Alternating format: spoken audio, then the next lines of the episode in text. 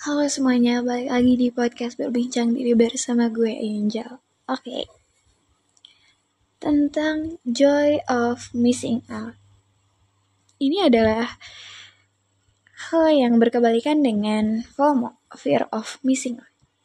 Takut akan ketinggalan, takut tidak dilibatkan, takut merasa kurang dan tersaingi dari orang lain yang sudah bergerak jauh lebih maju atau merasa diri ini tuh gak ada apa-apanya karena nggak sama dengan orang yang lain yang sudah memulai. Dengan adanya joy of missing out, itu adalah kebalikan dari apa yang fear of missing out tadi gue sebutin. Lo di sini bakal lebih slow living, lo di sini bakal lebih mm, tidak tergesa-gesa, tidak begitu apa ya melihat untuk segala achievement itu harus lo dapatkan. Disclaimer kalau menurut gue bukan berarti lo kehilangan semangat untuk menggali potensi diri lo. Bukan berarti lo gak ingin juga mencapai achieve achievement yang sekiranya keren dan bermanfaat buat diri lo. Tapi menurut gue joy of missing out ini lo bisa lebih enjoy sama diri lo sendiri, lo bisa lebih sadar, lebih mawas sama apa yang ingin lo jalanin, apakah yang ingin lo jalanin ini bermanfaat, atau apakah yang lo jalanin ini hanya mengikuti tren dan merasa ketertinggalan. Oke, kita masuk ke penjelasannya. Di dunia yang serba digital ini, informasi yang menurut gue emang bener-bener cepat bahkan banyak lo bisa dapat beberapa banyak informasi dalam beberapa detik dengan lo ngeliat short video, lo dengar, lo baca, lo lihat, itu bisa jadi hal yang masuk ke dalam diri lo. Tapi semakin lo lihat apalagi songan sosial media di mana kita tahu sendiri bahwa Sosial media itu adalah tempat di mana orang menunjukkan kebahagiaan yang mereka punya, menunjukkan kebanggaan yang mereka lakukan, dan itu konteksnya di luar kontrol mereka yang mengekspos, yang mengepost. Dan kita sebagai yang melihat bisa saja memberikan perspektif yang lain terhadap orang yang ngepost tadi. Entah kita ikut bahagia, entah kita termotivasi, atau bahkan kita merasa kecewa terhadap diri kita sendiri, merasa tertinggal, dan itu yang berbahaya buat lo. Menurut gue emang motivasi dari orang lain itu bakal bagus banget juga ketika lo mampu mengeksternalisasinya ke dalam diri lo untuk diwujudkan sesuai dengan tujuan lo. Tapi ketika apa yang orang lain lakukan dan lo merasa kecewa dan rendah diri, lo merasa tertinggal, lo merasa takut, itu yang bakal ngebuat diri lo penuh dengan pikiran-pikiran yang di mana itu bakal bisa merusak diri lo sendiri. Bahkan lo gak bisa maju ke mana-mana gara-gara pikiran lo itu.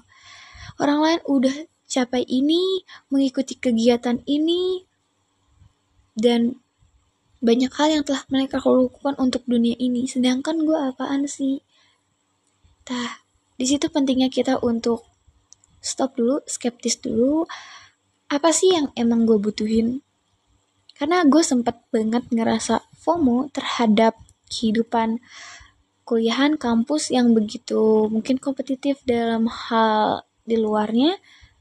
Itu membuat gue bertanya kepada diri gue sendiri Sebenarnya kenapa gue merasa tertinggal? Sebenarnya apa yang ingin gue capai? Apa yang ingin gue dapat? Apakah hal yang gue takutkan itu sangat penting buat diri gue? Ataukah ketika gue tidak mengikutinya itu begitu berdampak terhadap diri gue? Atau bahkan ketika gue mengikutinya ilmu apa yang gue dapat? Pemikiran-pemikiran dan pertanyaan-pertanyaan yang seperti ini tuh membuat diri jauh lebih tenang dulu, apa sih sebenarnya yang dibutuhin sama diri sendiri. Lo boleh mengikuti banyak kegiatan, lo boleh mempelajari banyak hal yang emang bisa ngebuat diri lo jauh lebih berkembang. Itu sangat bagus. Tapi butuhnya batasan dan boundaries terhadap diri sendiri itu juga harus. Tidak mungkin orang lain mengikuti 10 kegiatan, lo paksakan ikuti 10 kegiatan hal tersebut, tapi lo gak sadar kapasitas diri lo sendiri karena takut ketinggalan, karena mungkin mengejar hal yang lain. Coba untuk jeda sejenak, joy of missing out. Lo melihat diri lo dengan tenang, lo melihat keadaan dari lingkungan sekitar lo, lo bersyukur dulu dengan apa yang lo punya, apa sih yang aku kejar dalam hidup? Sepenting itukah hal tersebut untuk aku kejar? Jika memang dirasa penting, baiklah lo bisa ikutin dengan catatan kesehatan lo, tentang diri lo, tentang hal yang lain. Apa sih yang bakal lo dapet? Dan menurut gue, di era yang segala cepat ini, yang segala kompetitif ini mungkin kita merasa kayak gue nggak ngapa-ngapain gue merasa tertinggal. Kalau gue nggak kayak mereka. Menurut gue ya kalau lo terus-terus memenuhi ekspektasi orang lain lo bakal nggak tenang sendiri sama diri lo sendiri. Lo bakal nggak merasa cukup. Menurut gue lo boleh mengejar untuk hal yang lain mendapat pembelajaran yang lain. Tapi ketenangan itu juga harus dicari dalam diri lo sendiri. Dan enggak berada di zona nyaman terus-terusan dan enggak bergerak. Itu lo juga yang bakal terangkap, terperangkap dalam hal yang buruk juga. Dan untuk jeda sejenak dari hal-hal pemicu untuk merasa pemikiran-pemikiran negatif tersebut, lo bisa untuk mungkin puasa sosial media, mungkin memberi jeda terhadap hal-hal yang mempengaruhi diri lo untuk berpikiran tentang hal tersebut. Mungkin lo bisa dengan melihat diri lo sendiri untuk bisa saja olahraga lagi, meditasi, journaling, melihat diri lo secara utuh. Kadang orang tuh lupa untuk mengenal dirinya lebih dalam. Bahkan kalau ditanya tentang seperti selebih kekurangan dan kelebihan diri apa saja tuh apa sih apa yang membuat lo sayang sama diri lo sendiri apa sih apa yang lo bisa banggakan dari diri lo sendiri apa sih itu pun kadang lo tuh gak kenal sama diri lo sendiri. Pentingnya adanya ketenangan dalam diri lo sendiri ketika lo menyelamatkan diri lo ketika lo memberikan ketenangan buat diri lo sendiri.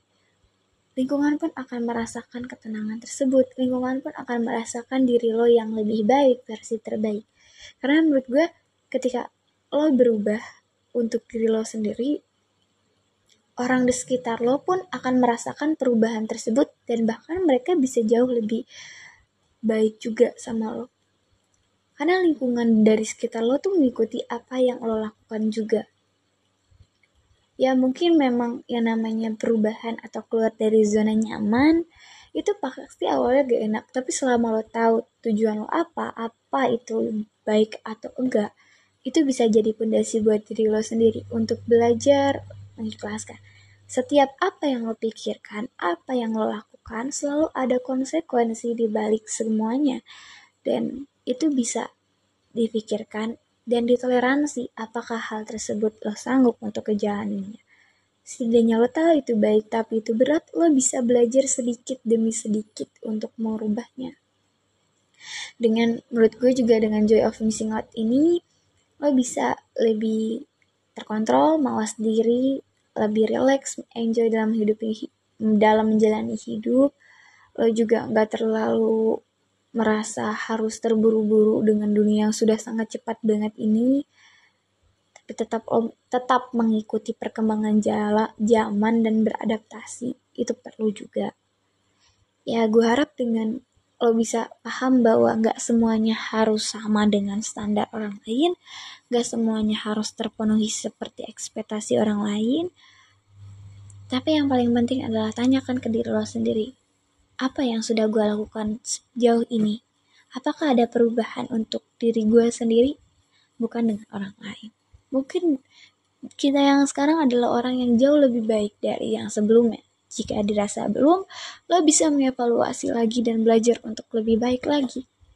Karena gue pun di sini masih tetap belajar bukan berarti gue sudah sangat gimana pun karena gue ingin diri gue tuh bisa bertumbuh dan berkembang dan itu tuh menjadi poin pemacu utama untuk bisa berkembang dan gue harap dengan gue memberikan sudut pandang yang bisa lo tambahkan atau menjadi sudut pandang, baru bisa bermanfaat. Ya gue harap podcast kali ini bermanfaat.